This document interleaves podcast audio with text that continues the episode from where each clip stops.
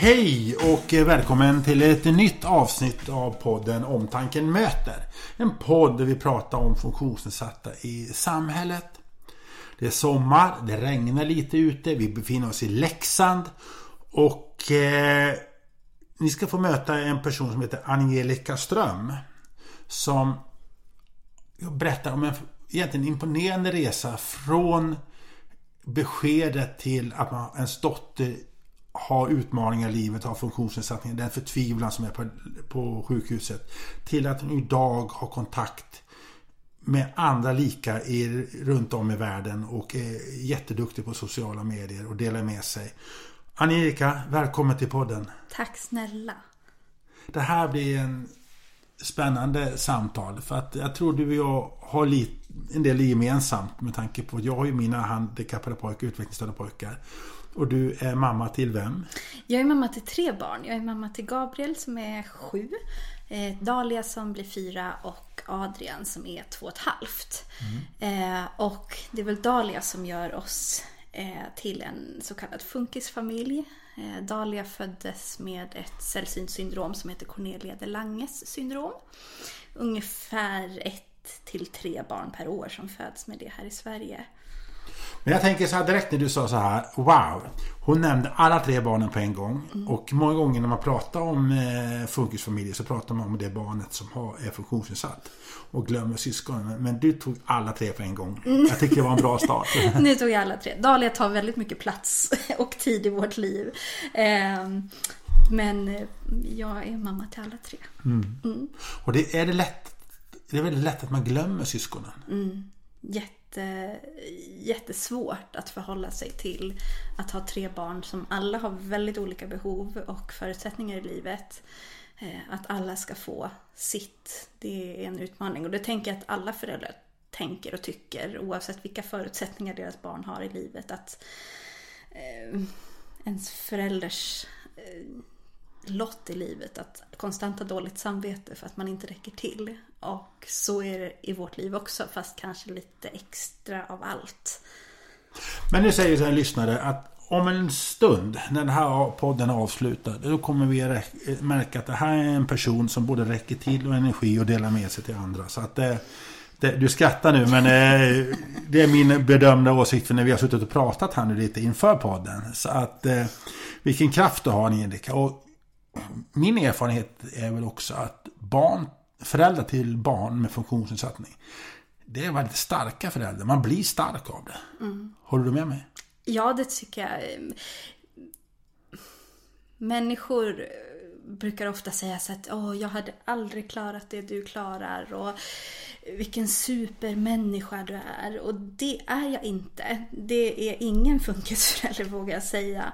Ehm, och sätts man i den här situationen så har man inget val. Mm. Jag måste vara en supermamma till alla mina tre barn men speciellt kanske till Dalia. Eh, men vi får inga extra krafter inne på sjukhuset eller när man får ett barn med någon diagnos så får man inga extra superkrafter. Och det tror jag är viktigt att säga för det verkar många ha någon uppfattning om. Och alla som ställs inför det här klarar det. Man har inget val. Eh, men det är också kanske därför många föräldrar till barn med olika funktionsnedsättningar går in i väggen eller får någon utmattnings, utmattningssyndrom eller så. Eh, Men du sa någon gång tidigare att man vill inte att man ska tycka synd om er. Nej, det har varit en viktig grej för oss under hela vår resa. Jag hatar när folk tycker synd om mig, för det är inte synd om mig. Vi har fått tre helt fantastiska barn. Jag skulle inte vilja byta vår vardag mot någon annans i hela världen. Mm. Eh, vi har ett helt fantastiskt liv och Dalia är den mest fantastiska ungen jag någonsin träffat. Hon, hon ger så himla mycket mer än vad kanske ett eh, normtypiskt barn gör. Mm. Mm. Jag kan intyga det att de ger Mina pojkar till exempel, de är nu över 20, men att ha den jublet varje gång man ser pappa. Vilka 20, 22 28-åringar står och jublar när man ser pappa? Eller, jag kan Nej. tänka mig att Dahlia gör samma sak, mm. eller, hur, eller hur? Verkligen. Ni ska veta också lyssnarna att det, det är ganska spännande att prata med dig Angelica, för vi har ungefär samma känslor, samma tankar. Och jag tror vi, eller hur? Mm. Har du känt det samma sak? Att mm. Vi har upplevt samma sak. Men eh, vi går tillbaka för ungefär fyra år sedan. Då föds då. Mm. Vad har du för minnen av allra, allra första tiden när hon föddes? Eh, jag minns att förlossningen gick väldigt fort. Vi visste ingenting innan hon kom att det var något avvikande med henne. Eh, och vi låg inne på förlossningen och då väger och mäter de ju barnet bredvid då när man ligger. Och eh, förlossningen gick väldigt fort och vi, Gabriel när han föddes så var han väldigt stor. Eh, så jag trodde, eller vi trodde att vi skulle få en till stor bebis. Och då när de ropar från vägningen och mätningen där att hon är 42 cm lång och väger 2300 gram. Då minns jag både jag och Göran, vi tittade på varandra och sa nej, ni måste ha vägt fel, gör om liksom. Mm. För att vi ska ha en stor bebis. Göran är din man? Är min man. Ja. Eh, och de vägde igen och nej, det var ju naturligtvis samma, samma längd och vikt igen. Eh, och då var det så här, ja, ja, vi fick väl en liten bebis den här gången inga reflektioner på att det kunde vara något konstigt med att hon var väldigt liten. Eh, och sen har Dahlia, till följd av sitt syndrom, så har hon jätte, jättemycket hår. Eh, och det tänkte vi inte heller var något konstigt. Alla bebisar är ju olika och någon har mycket hår när de föds och någon har inte. Så att det här lilla, hon såg ut som ett litet troll när hon kom ut. Jättetjockt svart hår och så superliten. Eh, och vi var jordens lyckligaste. Efter Gabriel föddes så fick han förlossningsdepression. Mm. Eh, och ville liksom, du vet man har sett på film och det målas ju upp att när man får upp barnet på bröstet så ska man bli sådär euforisk mm. lycklig. Och med Gabriel blev jag inte det. Jag ville liksom inte riktigt ta mig till honom redan från mm. Eh, förlossningen. Eh, och jag har ju varit så orolig under graviditeten med Dali att det skulle bli samma sak med henne. Så jag gick ut till psykolog och pratade och det här med om anknytning och att det, det är okej okay att känna så. Mm. Men när Dahlia kom upp på mitt bröst så minns jag att jag, liksom, jag storgrät. Och det var som på film. Mm. Eh, att jag var den lyckligaste i hela världen. Mm. Eh, och var upp liksom och gick typ en halvtimme efter hon var ute och mådde oförskämt bra. Så vi fick flytta upp på eh, BB-avdelningen ganska snabbt. Eh, och dagen efter så kom det in en läkare i rummet. Ehm, och vi hade väl i stort sett packat ihop våra saker och skulle åka hem tyckte vi. Ehm, för Dahlia mådde bra och det var inga konstigheter. Ehm, och då kommer läkaren in i rummet tillsammans med, jag kommer inte ihåg om det var några till, men jag tror det var någon sjuksköterska och någon undersköterska.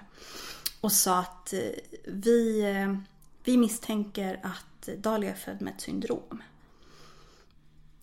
Och hon är född med gomspalt, sa han.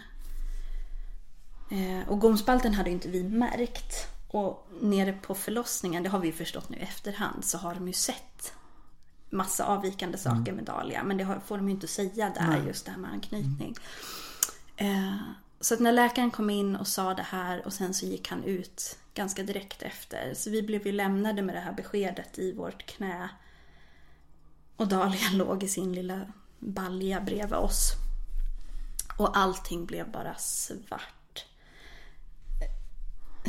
Det, man hör ju ofta det så att ja, men det var som att dra ner en rullgardin. Men det var verkligen, det blev svart. Och jag, jag, jag har lite så här fragment att Göran då, min man, föll ihop på golvet och grät. Och jag var nog fortfarande så chockad. Och sen så kort därefter, jag har ingen, tids, ingen tidsuppfattning där, men så blev Dahlia jättedålig. Hon slutade andas och det kom in massa personal och vi fattade ingenting. Ehm, och då eh, skjutsade de över Dahlia till neonatalavdelningen som ligger precis bredvid BB-avdelningen i Falun. Ehm, och började försöka få liv i henne och, och mm, fatta varför hon slutade andas och så. Sen blev vi kvar på Neo i ungefär en månad. Bodde vi där. Och storebror kom och hälsade på, våra föräldrar kom och hälsade på och så. Och vi låg bara apatiska, jag och Göran, i varsin säng inne på Neo. Och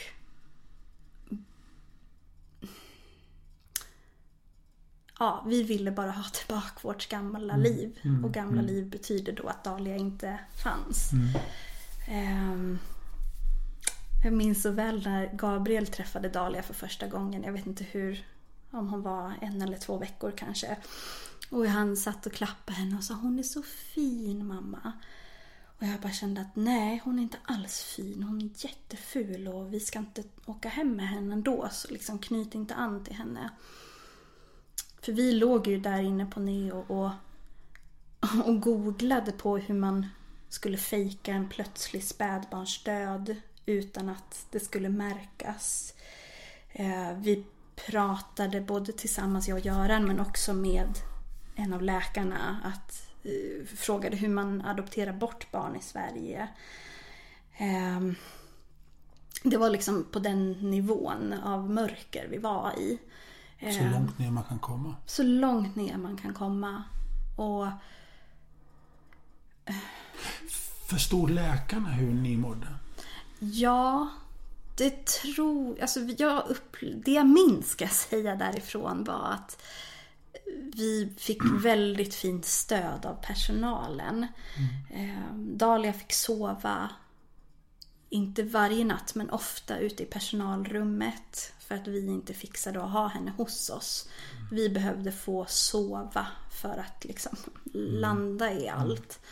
Ehm, och en av läkarna då som blev den vi knöt oss mest an till. Han, han tog ju oss på fullaste allvar och dömde inte och kom då med papper hur man faktiskt adopterar bort barn i Sverige om det nu var det vi ville. Och det... Idag när jag ser tillbaka på det så var det ju precis rätt hanterat av honom. Att, för de flesta var ju mer så att nej men det kommer bli bra och ger det lite tid så kommer det bli bättre. Och det vill vi inte höra. Eh, för för oss skulle det inte bli bättre där och då. Ehm, var det för att, nu- när du säger att läkaren gjorde rätt, var det för att han kom till er på er nivå? Ja. Han, han lyssnade på er och sa inte någonting besserwisser. Nej, och viftade inte bort våra känslor. Utan han bekräftade våra känslor. Och liksom att det är okej. Ehm, Men du förstår att som lyssnare så reagerar oj. Du, du, är väldigt själv, du är väldigt öppen och så långt nere man kan komma. Det, det, är, det är hemska saker du säger egentligen. Om man ju säger oartigt mot dig. det är det. Och det var hemska tankar. Ehm, vi kände ju att vårt liv var slut. Och jag minns också Göran, han har hela vår relation varit väldigt så här karriärssugen. Alltså att han har velat, han har alltid jobbat mycket och älskat att jobba och varit viktigt att klättra karriären för honom. Ehm, och han låg och försökte googla på eh, framgångsrika personer inom hans eh, vad säger man, arbetsområde som har barn med någon typ av funktionsnedsättning och hitta ingen. Alltså jag kommer behöva sluta jobba och vi kommer aldrig kunna resa. Och det känd, där och då kändes det som att vi kommer aldrig kunna lämna sjukhuset. Vi kommer aldrig kunna vara en familj och göra saker. Ehm, men den tiden, de första dagarna, om man känner så här, nu, nu, nu, ni, bara, ni, ska, ni ska bara veta när jag ser dig nu Erika så är du en helt annan människa. Det, det är ju framtidstro och det är hej och hå. Nu det kommer ni att få lyssna på podden. Men de här hemska fruktansvärda dagarna. Kände ni att ni fick... ha en sjukvård som kan ta hand om unga föräldrar som får de här beskeden idag på ett bra sätt? Jag har funderat mycket på det. Dahlia fick ju den bästa tänkbara vården. Mm. Men jag tänker för er. Tänkte jag. För oss det finns nog mycket mer att önska. Ehm, jag hade en, ehm, en konversation häromdagen med en BVC-sköterska på Instagram som skrev och frågade liksom, finns det något som du skulle kunna skicka med till oss BVC-sköterskor? Hur vi ska bemöta föräldrar som har fått svåra besked kring sina barn. Eh, och då pratar vi just om det här att bekräfta föräldern, erbjuda stöd och hjälp. För hon sa så att vi, jag har hela tiden trott att det där sköter någon annan. Till exempel habiliteringen eller neonatalen eller vart man nu hamnar. Men jag, min uppfattning är nog att det är lite så hos alla. Att alla tänker att någon annan tar hand om föräldern. Mm. Ehm, jag frågade efter samtalsstöd kring, till min Eh, äldsta son på barn och ungdomsmedicin. Mm. Eh, ganska nyligen. Finns det någon form av samtalsstöd som han kan få? För han har mycket att bearbeta. Nej, utan man fokuserar bara på barnet i mm. fråga som, som behöver vård. Vilket jag på ett sätt förstår. Men ett sånt här besked påverkar ju en hel familj. Mm. Och eh, Vårdcentralen sa ju ifrån sig oss att det här kunde inte de ta hand om. Och de hade en väntetid på ett halvår. Och det var vi kunde få ett krissamtal eh, hos vårdcentralen, men det var liksom det. Sen kom det upp, vet jag, en psykiatriker till Neo när vi låg där och erbjöd sig liksom just medicinering, eh, den typen av, av hjälp. Men det, och det är väl bra, men det kanske inte är riktigt det man behöver bara i alla fall. Mm. Eh, jag... Vad är det viktigaste man vad är det viktigaste rådet till dig? Till den typen av sjukvård idag för, för, för, till föräldrar? Ja, men jag tror, alltså att fånga upp föräldern och, och erbjuda olika, eller hjälpa till att erbjuda olika sorters stöd. Mm. Det finns ju kuratorer på sjukhuset men jag, jag jobbar i skolans värld och en kurator för mig är ju någon man går och samtalar med kring känslor och händelser. En kurator på ett sjukhus har ju en, de har ju det också till viss del men de har ju mycket informativ del och kunna mm. vara ett stöd att kanske hjälpa till och ringa till Försäkringskassan eller sådana typer av, mm. av saker. Um, så att vi fick ju ingen form av samtalsstöd mm. där. Och det fick ju då att de, jag säger stackars, men de stackars undersköterskorna och sjuksköterskorna tar mycket av. Mm. Ehm. Och de har väl inte den utbildningen kanske? Nej, varken den utbildningen eller den tiden. Mm. Och i dagens sjukvård när det dras ner hela tiden mm. och är personalbrist så de behöver ju fokusera mm. på barnet här i fråga. Så att det finns mycket att önska. Men eh, då går det en tid. Det finns ett ögonblick där du känner Dahlia, det här är min dotter, det här är vår dotter. Du är det bästa som finns. Dig släpper vi aldrig. Mm. Berätta ögonblicket när, när allting vände. Ja, det är också väldigt tydligt. Jag minns det som igår. Eh, Dahlia började, vi fick ju, så småningom fick vi permissioner från neonatalen. Eh, vi blev till slut utskrivna från själva avdelningen men tillhörde mottagningen. Och mottagningen tillhörde vi i 8-9 månader. De brukar skoja att Dahlia är det äldsta barnet någonsin som har varit inskriven på neo. Eh, men det hade med sond och sådär att göra. Eh, men när Dahlia var, jag har dålig koll, men kanske två månader så började hon bli väldigt rosslig och hade tungt att andas här hemma. Eh, så vi åkte in till akuten och hade väl liksom tänkt att hon får någon inhalation och sen åker vi hem. Eh, och tack och lov så åkte både jag och Göran in tillsammans. För Dahlia kunde inte riktigt sitta i en bilbarnstol för då slutade hon andas. Eh, och inne på akuten så så dör Dahlia. Alltså hon, jag, håll, jag minns jag håller i henne och så bara allting eh, hon blir tung som en säck potatis och hon tömmer sig själv på vätskor, hon kräks, hon bajsar och eh, slutar andas. Och det bara stormar in personal i rummet. Och de sliter henne ur mina armar, tar in henne på ett sånt här stort akutrum, försöker återuppliva henne.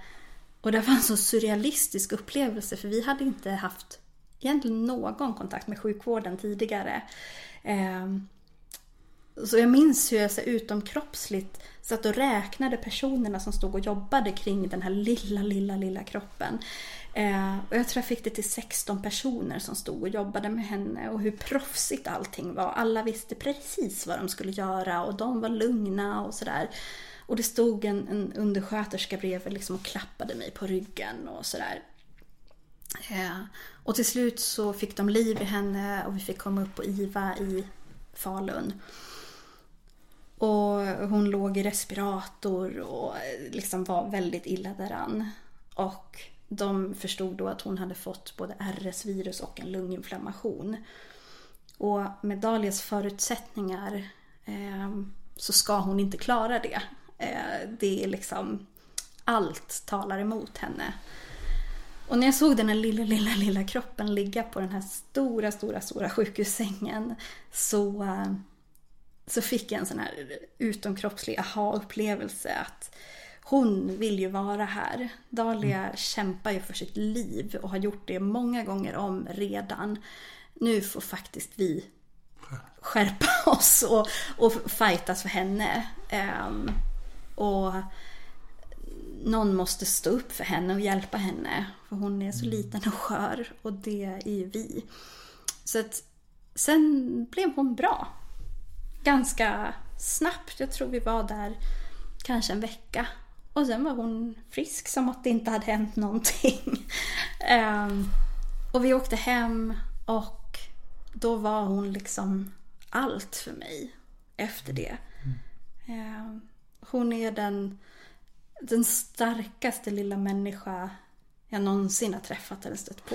När du säger allt för mig och, så, och du vet som du vet att du är idag. Mm. Hur tänker du på de första tankarna du hade då? Ja, jag vet inte. Det, det är absolut inget jag skäms över. Um, utan det är så det var. Och vi har haft vår resa. Och jag har pratat med många andra föräldrar som Jag menar haft... inte att du ska skämmas. Nej, nej, nej. Du får inte ta mig så. Nej. Utan, utan det var bara mest hur du tänker. Ja, men jag tänker att alla har olika resor. Mm. Och jag har kontakt med många andra som har haft en helt annan resa. Där de kanske har fått ett... Eller där man inte har fått något besked. Man har åkt hem från förlossningen och haft sitt lilla barn och varit lyckligast i världen. Och sen börjat misstänka att det är något som mm. är fel. Mm. Någonting står inte riktigt rätt mm. till. Man kan inte sätta ordet på, man blir kanske inte tagen på allvar av mm. vården. Mm. Mm. Det är många år av utredningar och eh, eh, att man inte vet. Och eh, man kan ju aldrig veta vad som är bäst. Jag har nej. bara den här nej, upplevelsen. Och, nej, och jag menar, jag menar i mitt fall så är det du beskriver. Vi kommer ju hem och sen så efter ett halvår mm. börjar vi förstå. Och Våran rullgardin det drogs ner drygt ett år. Men, när han var där. Men, men eh, alla har vi våra historier. Men jag tycker det, du är väldigt modig som vågar berätta hur man känner. För att tankarna är inte rationella i början. Nej. Eller hur? Verkligen inte. Och jag tror, det var många som sa till oss även inne på Neo redan att, att vi var duktiga mm. för att vi kunde sätta ord på vad vi känner. Mm. Och efteråt när jag pratat med andra funkisföräldrar som har gått igenom ungefär liknande saker så är det ju många som säger men så kände jag också. Mm. Men jag har aldrig vågat säga det mm. högt. Mm. Och jag har tänkt att jag har varit knäpp eller dum i huvudet som har mm. känt så. Mm. Men man, man kan ju inte styra sina känslor. Nej, men jag tycker det är viktigt att vi pratar... En del kan undra varför vi pratar om så här då. Men jag tror att det är viktigt att vi lyfter fram de här äh, irrationella känslorna så att det finns andra föräldrapar där ute som inte behöver skämmas över de här äh, konstiga tankarna man hade då och få bära med sig, skuldbelägger sig själv. Här är vår, min älskade unge, här. Så här tänkte jag då. Hur kunde jag tänka? Men vi, kroppen är, den är knäpp ibland, tankarna. Ja, man kan inte styra över dem alltid. Um och eh, så här i efterhand så kan jag se tillbaka på vilken otrolig resa vi har gjort. Eh, känslomässigt. Ehm, det är jättehäftigt.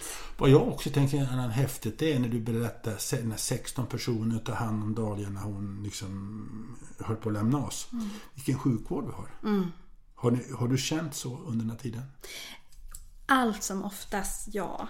Mm. Och just det här när någonting riktigt händer så finns det, så finns det där. Mm. Eh, åker man in och sitter på eh, akuten med ett barn som är lite snorigt eller mm. man har tyckt att han har haft feber i för många dagar. Mm. Då kanske man undrar vad har vi för jäkla sjukvård? Ja, ja. Man får säga Men är det så. allvar? När det väl gäller ja. så finns det där. Eh, Jag tror att vi liksom Det är så lätt att säga för 17 de finns inte men, men när det är kris. Mm. Just, och just hur, hur skillade de var. Alla visste exakt vad de skulle göra. Mm. Och de var så lugna och pratade precis som vi pratar nu. Mm. mm. Eh, och att hålla det lugnet i en sån... Men du, nu kommer du hem. Mm. Du är mammaledig. Och eh, det börjar bli liksom så nära en vardag man kan komma. Du kommer hem, Dahlia kommer hem. Mm. Och så går du ner till byn. I Leksand är ingen stor ort. Det är inte som i Stockholm direkt. Utan Nej. man känner igen varandra i den här byn. Hur var det för dig att gå ner på stan? Jag gick inte ner på stan. Gjorde inte det? Jag skämdes.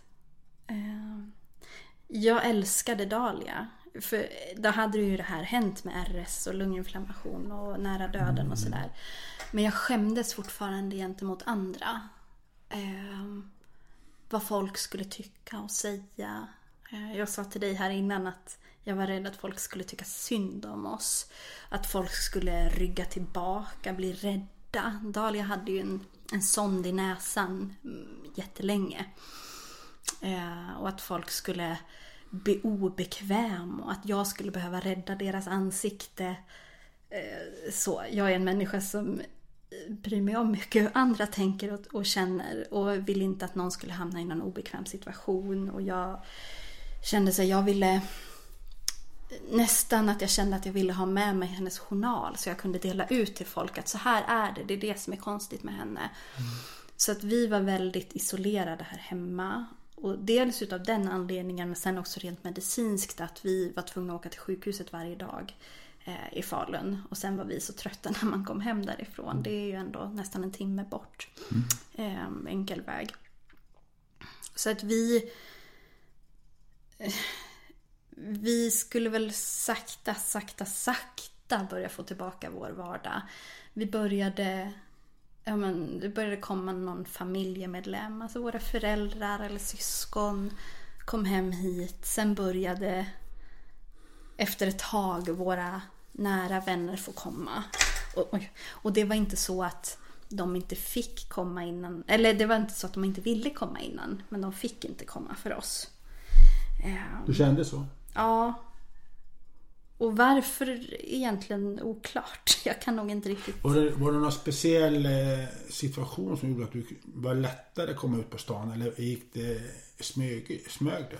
Ja, det kom nog smygande. Och ju mer tid vi fick spendera med Dahlia och våra känslor fick landa, eh, ju mer kanske vänner vi hade här hemma desto enklare blev det väl att gå ut. Sen började vi väl kanske gå ut på tider när det inte var så mycket folk ute.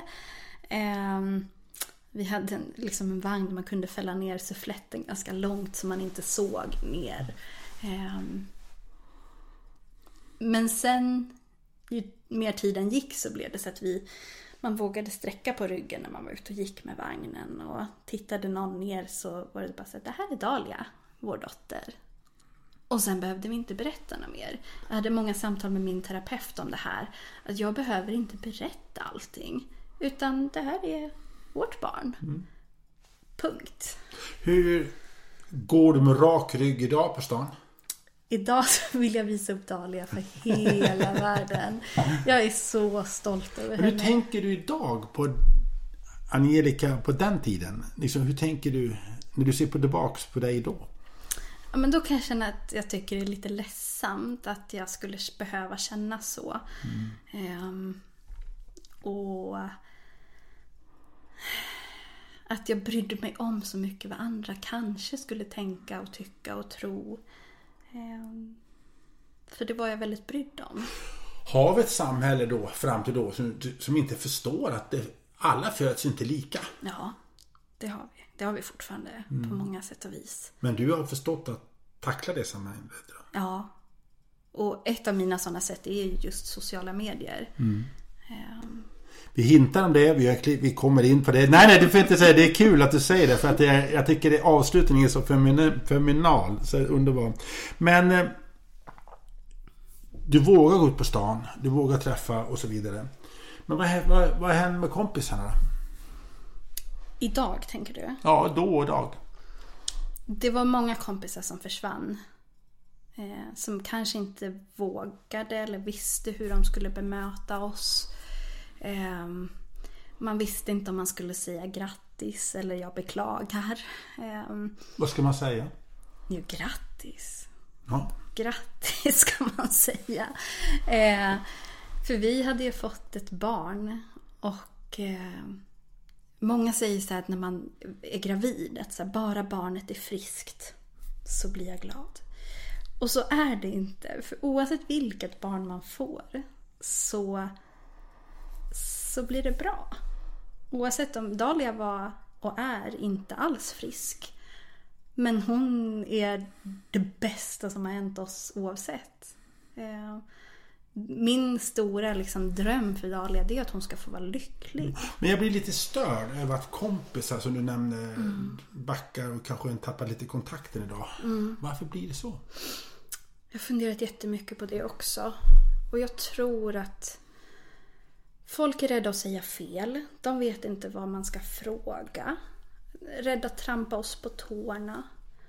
Ehm, Vi säger så här, har det, ser du till exempel barnkalas, fester liknande sådana saker eller du vet en sam, du vet, söndagsträffar med andra i din generation, dina kompisar.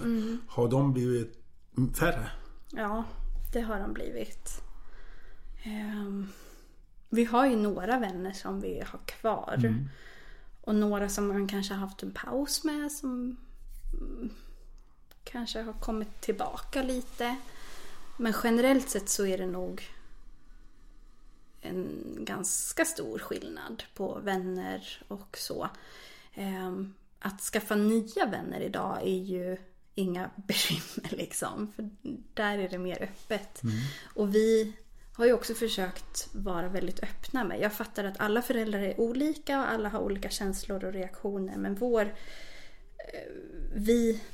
ehm, vi är väldigt öppna. Jag skulle nog... Eller det ska väldigt, väldigt mycket till för att man ska kunna trampa mig på tårna. Ehm, Är man rädd för att prata mer? ja, det är man. Men vad säger du om dag om sådana människor? Vad tycker du om de kompisarna som du inte har kontakt med idag? Vad tycker du om dem nu när du kan se tillbaka? Du börjar liksom känna formen med Dahlia och så vidare. De som inte vågar, vad tänker du då? Om Men- de människorna? Jag försöker nog att framförallt inte lägga så mycket fokus på det idag för att jag har inte den energin och tiden. Eh, men det är ju sorgligt. Eh, och det är väl, jag tänker att det speglar väl samhället i stort. Hur många hanterar människor som är annorlunda på något sätt. Att man kanske drar sig tillbaka och inte säger någonting alls. Eh, att man är rädd för det avvikande. Man blir arg. Ja, det blir jag också. Jag blir jättearg och ledsen. Ehm, Och det är bedrövligt att det ska vara så. det är det. Och Men dina nya kompisar är bättre kompisar. de är Det är fantastiska. Verkligen. Men eh, och det här med Göran, han upplevde samma sak. Ja, vi, vi... Innan Dahlia kom så umgicks vi nog mycket med så här andra par. Eh, för när man får barn så är det väl kanske det enklaste sättet att umgås på. Eh, och det var väl många liksom av dem som försvann. Eh, eller kanske att en av det an- i det andra paret försvann och då blev det liksom, då rinner det ut i sanden. Jag tror Göran kanske inte har varit lika mycket påverkad av det som jag har varit. Han har ju upplevt samma saker men inte påverkad av det på samma sätt. När Dahlia föddes fanns Gabriel. Han är två år äldre vad jag förstår. Eller tre år äldre. Ja, tre han, år blir det. Han är tre år äldre. Och sen så har vi eh, ungefär ett och ett halvt år senare så kom Adrian. Mm. Lillgrabben. Mm. Berätta om syskonen. Hur har det funkat med Dahlia? Eh, det är ju häftigt. Man önskar ju att alla människor, på tal om det här att folk drar sig tillbaka. Man önskar att alla kunde ha ett barns perspektiv. Hur man bemöter folk. Mm. Oavsett om det är att man är lång eller kort eller eh, man har ett brunt och ett grönt öga eller vad det kan mm. vara. Eh, Gabriel som är storebror, han är ju ja, den mest fantastiska pojke. Nu är jag väldigt partisk. Alltså, det var konstigt att du är partisk. Det men, hade jag inte förväntat mig. Men han är, han är unik på många mm. sätt och vis. Mm. Och för honom blev det sen när Dahlia kom, det var ju det enda syskonet han hade. Han mm. trodde ju att alla syskon var som Dahlia. Mm. Och han, kanske inte nu, men för ett eller två år sedan så gick han fortfarande runt och frågade sig, mamma vart satt min knapp på magen någonstans mm. när jag var liten? Mm. För Dahlia har knapp på magen. Eh, och vi pratar ju mycket med honom och just det här att allas olikheter och alla är som de är och att bemöta. Och, men han har någon, någon elev i sin klass nu i skolan som som har en ADHD-diagnos och som är ganska utåtagerande och hur, liksom, hur man pratar om det med honom. Och, eh, det kommer berika mycket honom. Det kommer vara berikande för honom när han växer upp. Han kommer nog bli en, eller är, ska jag säga redan nu, men kommer bli en väldigt empatisk människa. Och, och det gäller Adrian också? Adrian också. Mm. Eh, Adrian är ju istället den klassiska lillebrorsan. Han röjer och han mm tar plats. Lite. Han är så busig. Ja. Eh, men hur han ändå är otroligt fin mot Dahlia och ger henne leksaker och ser till liksom att hon har det bra. Hon... Är du rädd för att samhället glömmer syskonen? Mm. Syskonen är ju jätte utsatta eller bortglömda. Där har vi inte fått någon som helst hjälp. Eh, här för ja, kanske ett halvår sedan så började vi märka att Gabriel var inte riktigt sig själv. Eh, slöt, slöt sig, han mm. stängde in sig liksom och vi fick inte kontakt. Och när han pratade så var det mycket om, han frågade när ska Dahlia dö och, och sådana typer av frågor. Mm. Så vi förstod att han bär mycket inom sig och vill kanske som den, det här äldsta duktiga syskonet inte betunga oss föräldrar med, med det också. Mm. Så vi började leta efter hjälp till honom. Att han skulle kunna få gå och prata med någon annan. Ehm, och där märkte vi vilka stopp det finns. Mm. Nu är ju Gabriel ganska liten eller ung. Det kanske finns en annan typ av hjälp när man blir äldre, det vet inte jag. Men eh, Vårdcentralen kunde inte ta emot. Barn och mm. ungdomsmedicin mm. på sjukhuset kunde inte ta emot. Eh, vi fick komma till sjukhusprästen om vi ville. Men det kändes fel för att att behöva åka till ett sjukhus med Gabriel hade gjort att han hade slutit sig ännu mer tror jag. Det hade mm. blivit ett, ett jobbigt moment för honom. Mm. Och även om prästen i fråga inte har någon sjukhusrock på sig så blir det ändå ett eh, Mm. Mm. Det är en signal. Ja, precis. Och det men ni pratar mycket, men verkar prata mycket med Gabriel. Ja, vi pratar mycket med Gabriel. Mm. Vi har även kontakt med skolan eh, som han går på. Han har fått mm. prata där med skolkuratorn nu. Eh, det finns syskongrupper på habiliteringen. Men där har han dels varit för ung. Mm. Och sen så nu har de försökt dra ihop grupper men det går inte att dra ihop grupper har vi fått höra. Så att, Varför det? Det har varit för få barn. Um, och sen vill ju inte jag att han kanske sitter och pratar i en grupp där det är någon annan syskon som har ett barn. Eller ett syskon med kanske ADHD. Mm. Det, är inte, det går inte att jämföra. Nej, och, så, och sen så är han så ung fortfarande kan jag tänka mig också. Precis. Mm. Så att jag, han skulle ju behöva, jag är av den uppfattningen att ju tidigare man går in med en, en insats desto mindre mm. kanske problemen blir i framtiden. Eh, Så jag är väldigt mån om att Gabriel är ganska lik mig. Väldigt känsl- en känslomänniska som har, känner allt för alla. Och jag vill inte att han ska bli den här duktiga storebrorsan som alltid får... Eh, Det hänger på dig. ja, Du, ni kommer hem. Ni har som sagt, nu är vi där, du har fått en bra liv. Så förstår du att det är dags att söka hjälp. Du, du, du måste ju kunna jobba, ni måste kunna få ihop det här. Och så finns det någonting som heter personlig assistans och LSS. Nu ler du lite märker jag. Men det har varit en jätteresa för dig där. Jag har förstått att du får kämpa ganska mycket för det. Ja, inte så mycket som många andra gör. Men det har varit ett kämpande och det har både varit ett känslomässigt kämpande för min egen del. Att jag inte har velat ha personlig assistans. Jag vill klara mig själv. Ehm, svårt att... Men det ska du, det är, den delar ju du med alla andra föräldrar också. Jag menar, inte sjutton skulle vi vilja ha personlig assistans. Och inte många, ingen skulle Nej, ha det. ingen Men- vill ha det. Mm. Men man, och, och det är jätteviktigt att komma ihåg att det är en helt sund tanke. Tänk om du bara skulle vilja ha det. Precis. Och sen blir det nästan när man väl har blivit, beviljad att man ska vara tacksam över att man har fått personlig assistans. Och jag är inte tacksam över att vi har fått personlig assistans. Jag vill inte ha det, men vi måste ha det för att vi ska orka för att vårt liv ska funka och för att Dahlia ska få bästa möjliga förutsättningar att ha ett så bra liv som möjligt. Ehm, men så det här har ju liksom, Göran har varit på mig, jag vet inte när han började, men Dahlia var inte särskilt gammal, kanske två. Att så här, ska vi inte söka?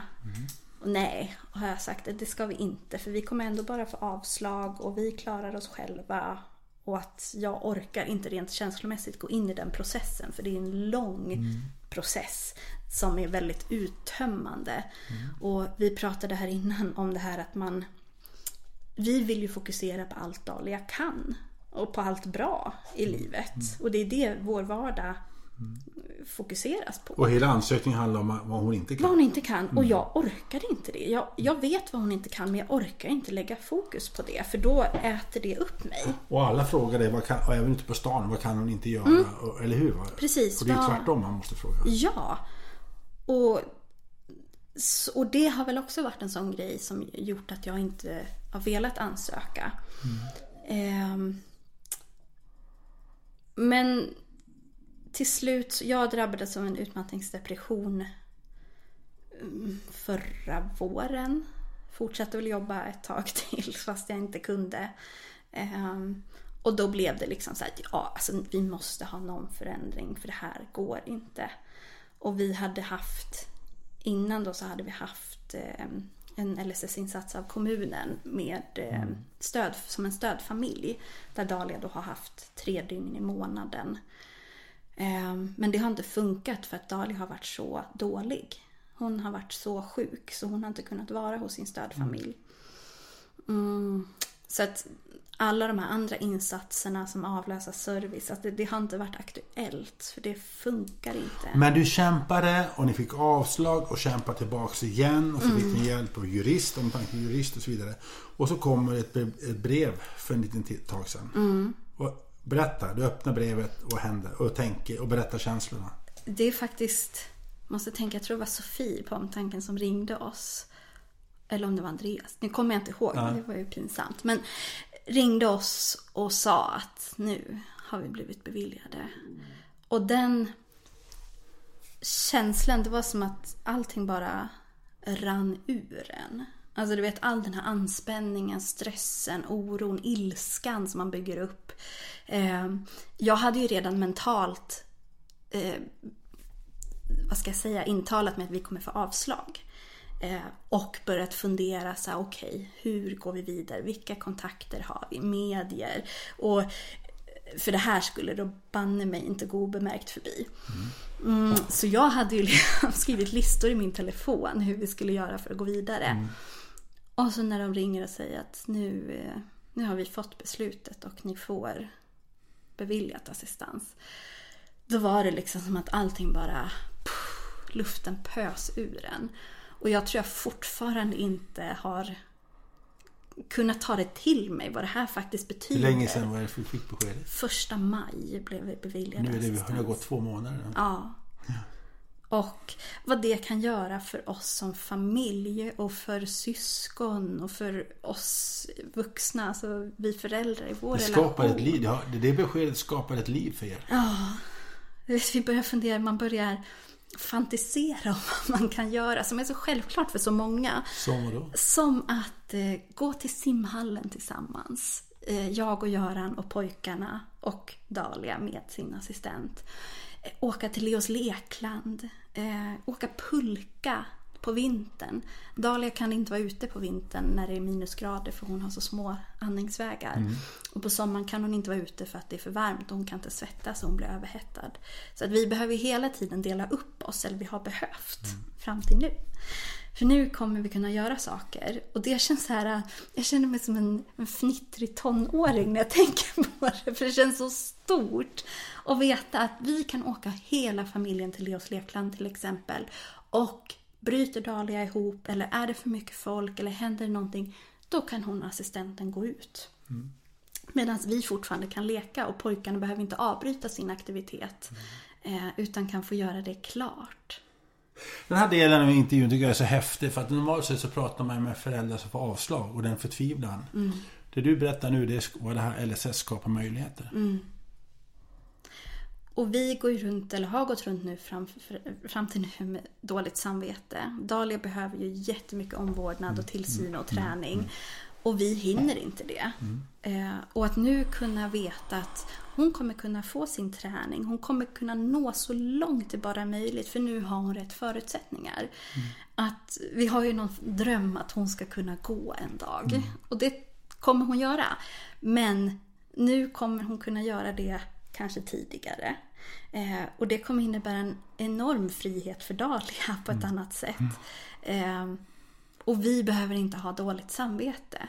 För andra normtypiska barn, de bara gör saker. De lär sig. Man behöver inte hålla på och träna massa med dem. Men med Dahlia behöver vi träna 10 000 timmar på minsta lilla grej för att hon ska kunna menar, var någonting. pojkar var man tvungen att träna för att leka. Vanliga barn bara leker. De leker. Och de sätter sig. Och det är de... det som är så häftigt när vi pratade, vi träffades idag, så berättade jag, jag håller på att göra om vår hem till så att det funkar för assistenten också. Det, det, det, det, det är kul för er. Det känns overkligt. Det känns Men det handlar helt enkelt men det är alltså, man måste ta hjälp för att vinna, få assistans idag. Tyvärr så är det så. Och hjälp menar jag med jurist och som via assistansbolag och, och så vidare. Och vi hade ju möten med, med omtanken Alltså innan vi ansökte om assistans.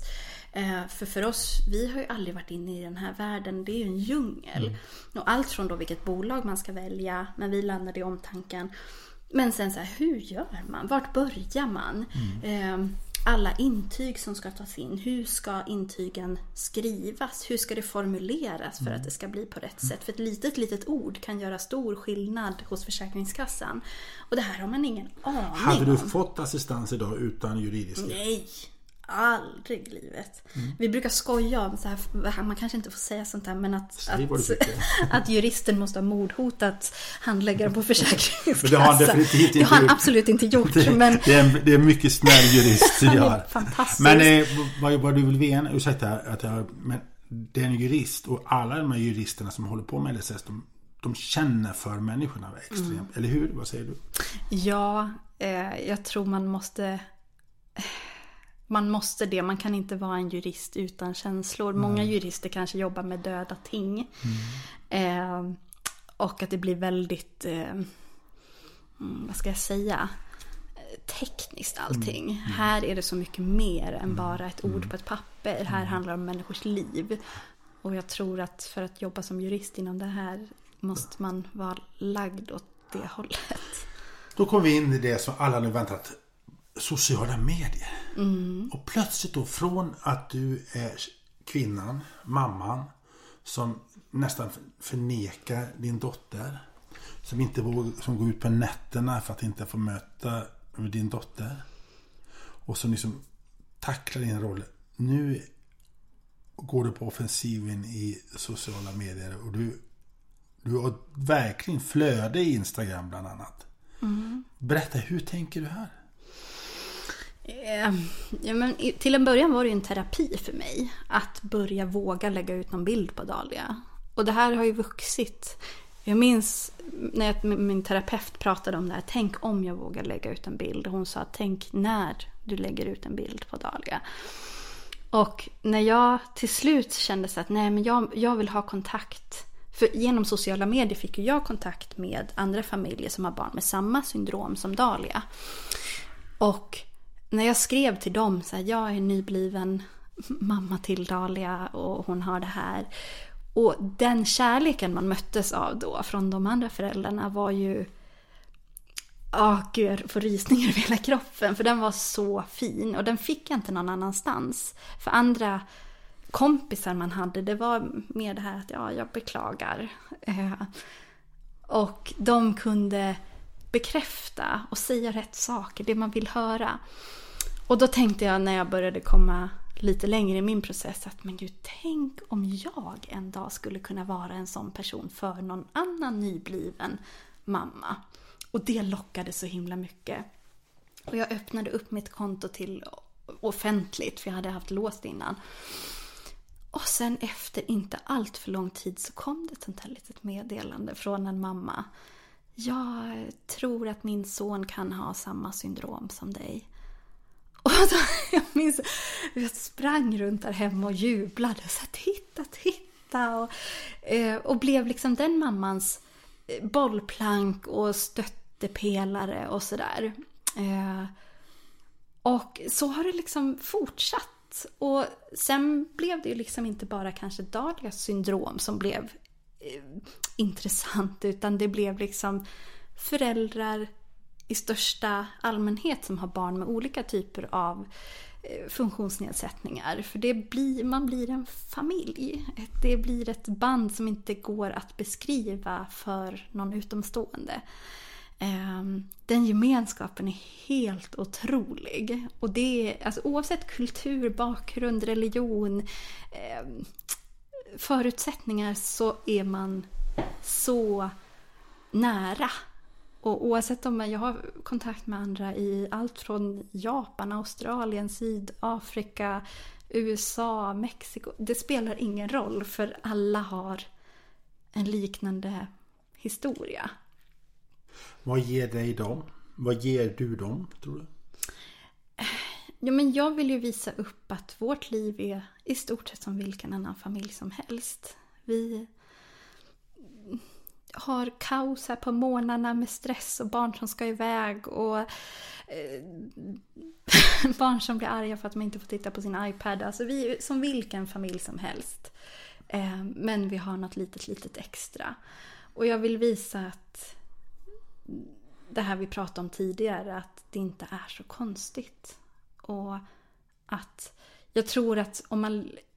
Eller, nu kanske jag är naiv, men jag tänker att jag ligger steget före att visar jag upp och berättar om Dahlia så blir det inte konstigt. För det är oftast det här ovissa man tycker är konstigt. Mm. Eh, att jag kan gå runt och undra sådär att åh, varför ser den ut si eller varför gör den så? Har jag redan då berättat eller visat att så här, ja, men så här funkar Dahlia. Då blir det inte så konstigt heller. Eh, Vad ger de dig? Eh, de andra funkisfamiljerna ger mig en känsla av samhörighet. En känsla av att inte vara ensam Eh, stöd. Det är ju enbart, skulle jag våga säga, genom sociala medier som jag har fått stöd och hjälp kring Dahlia.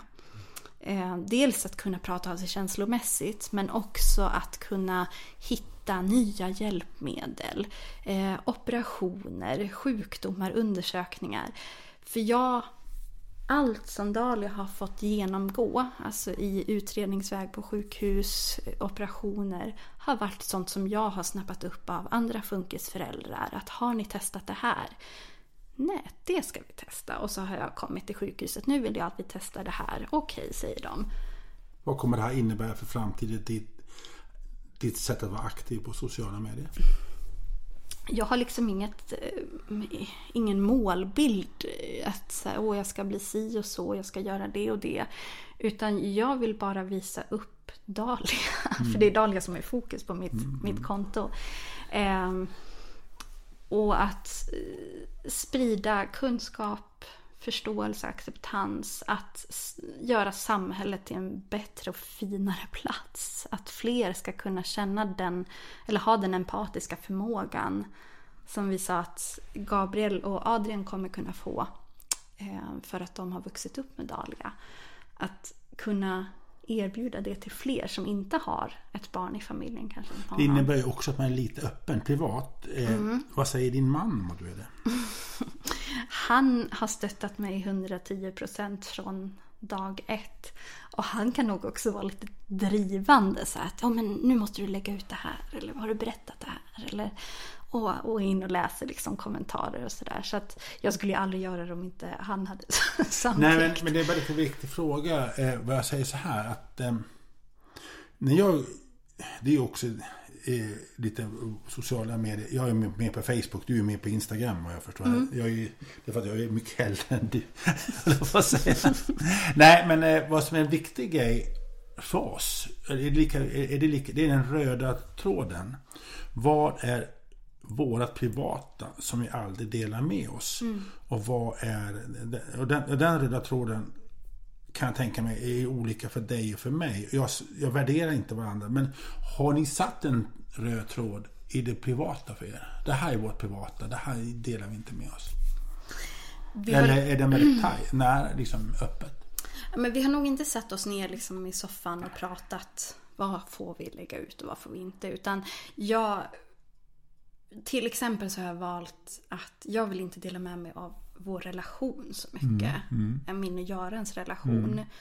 Ehm, däremot så vill jag ju visa upp både bra och dåliga saker. För att livet är ju inte rosenskimrande varje dag. Men om jag nu snäll, artig, provocerande fråga. Eh, och bara artigt. Så att, eh, men i en relation med föräldrar, mamma och pappa, kvinna, man som har ett barn som är funktionsnedsatt. Det gnisslar och det, det är ganska jobbigt. Och det är ganska många som separerar på grund av detta. Det, det skulle vara lätt att också bli en relationsakut för funktionsnedsatta föräldrar även på sånt här Instagram.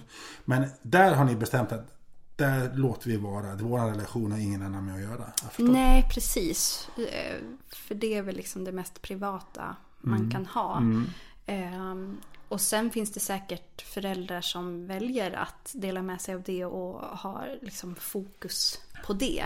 Och det lägger jag ingen som helst värdering i. Utan det Men jag säger så här att jag tror att när du och jag sitter och pratar, jag tror vi är överens att vi kan ge tips till andra som gör det. Tänk på var ni sätter den röda tråden så ni inte glömmer det mest privata och, syskonens privata liv också kan jag tänka mig. Exakt. Och, och där är det ju svårt för ja, men Gabriel nu till exempel, han är ju så stor och han har ju en integritet liksom. Och, och vad är okej att lägga ut för bilder på honom? Det måste jag ju också ha med mig med Dahlia. Jag vill ju inte, hon är ju faktiskt fyra år nu. Vad hade jag lagt ut på en, en normtypisk fyraåring? Vad kan, kan hon se tillbaka och liksom säga, men mamma, varför la du ut det här? Då skulle jag aldrig lägga ut det. Jag skulle inte lägga ut jag vet inte vad jag ska Ja, ta som ja, exempel. men, Jag förstår vad du menar. Ja. Men det handlar ju om att syskonen ska kunna känna sig bekväma i det. Mm. Även om tio år. Precis. Och där har jag ju också kanske valt att eh, fokuset är på Dahlia. Eh, och det märker man ju också att det är det som folk... Har många följare? Ja, det har blivit många. Och det är också, jag har inte gjort någonting för att det ska bli så. Och det är så fantastiskt att... att eh, vi pratade om det innan, att Dahlia har en speciell förmåga att trollbinda människor. Eh, och hon är så fruktansvärt söt.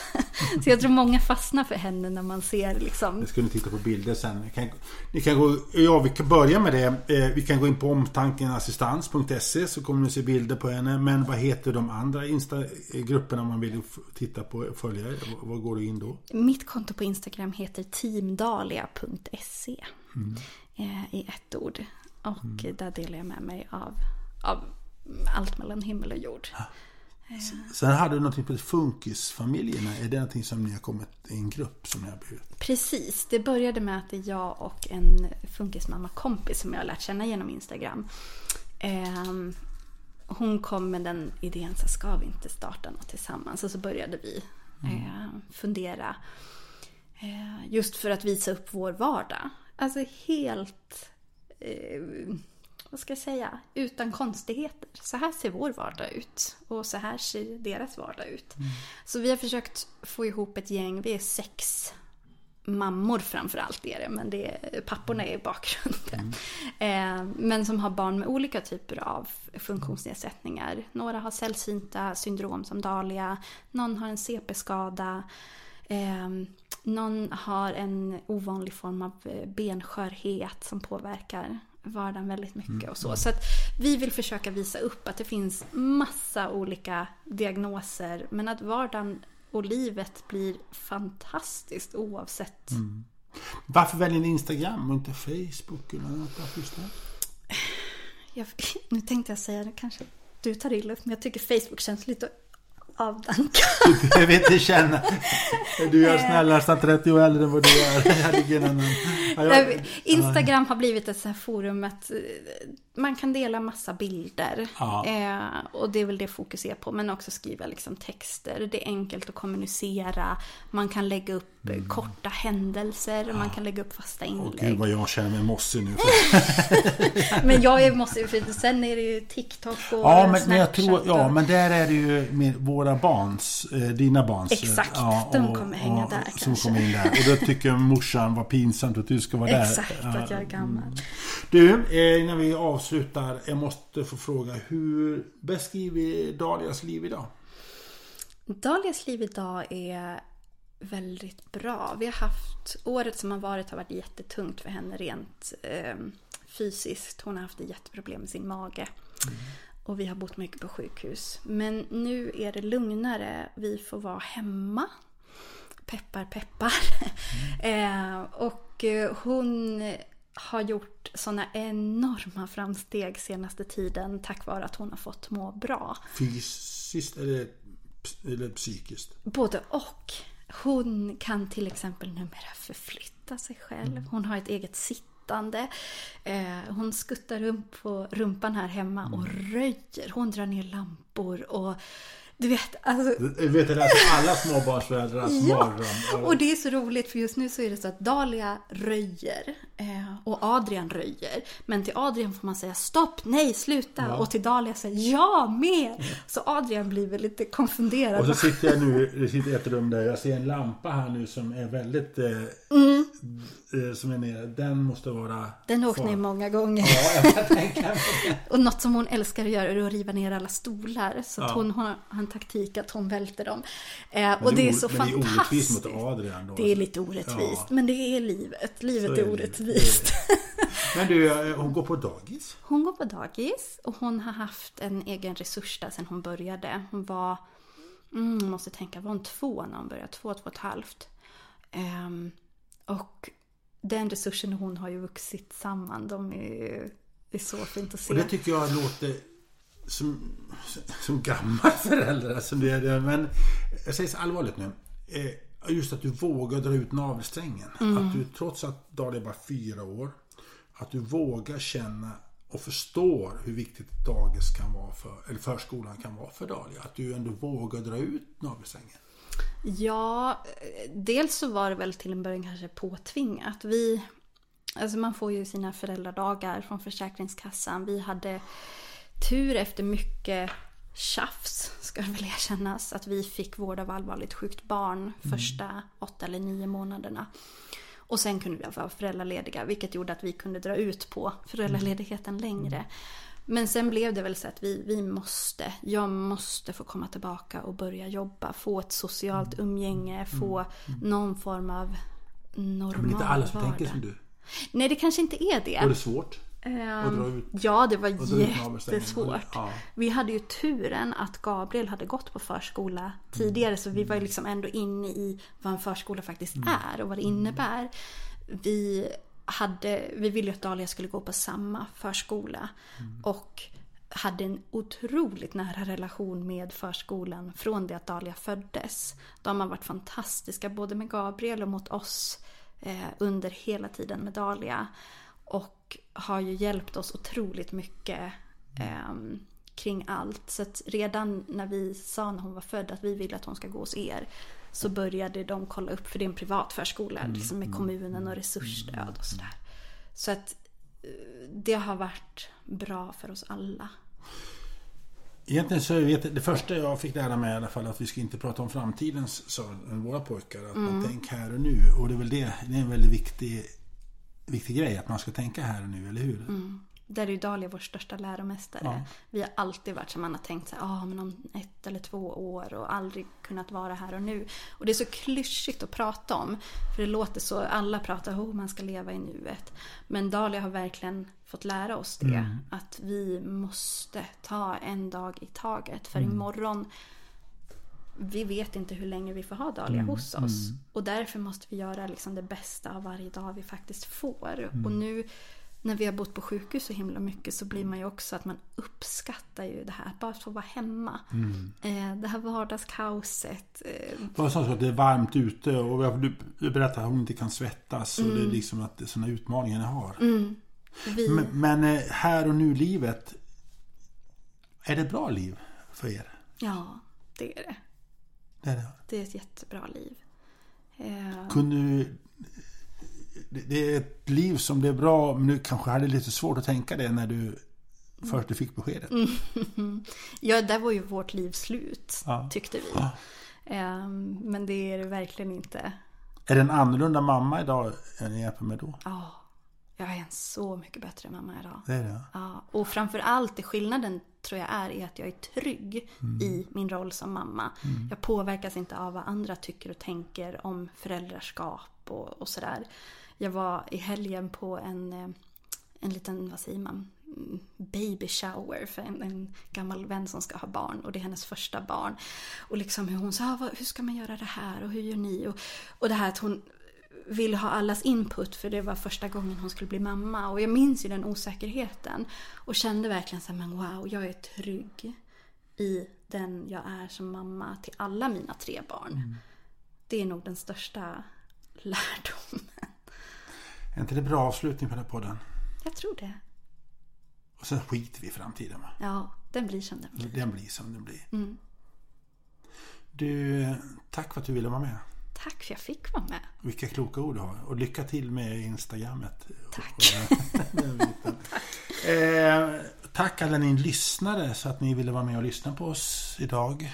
Och berätta och lyssna på Angelikas story. Och eh, jag tror att det är inspiration och lärorikt för många av oss vidare. Och jag som tackar, jag heter Anders Hansson och eh, jag önskar er en eh, fortsatt trevlig sommar och önskar dig Annika en trevlig sommar. Och till dig och alla lyssnare allihopa så kommer vi höras senare med ett nytt avsnitt av podden Omtanken möter. Och till dess, ha det så bra. Hej då där ute! Hej då!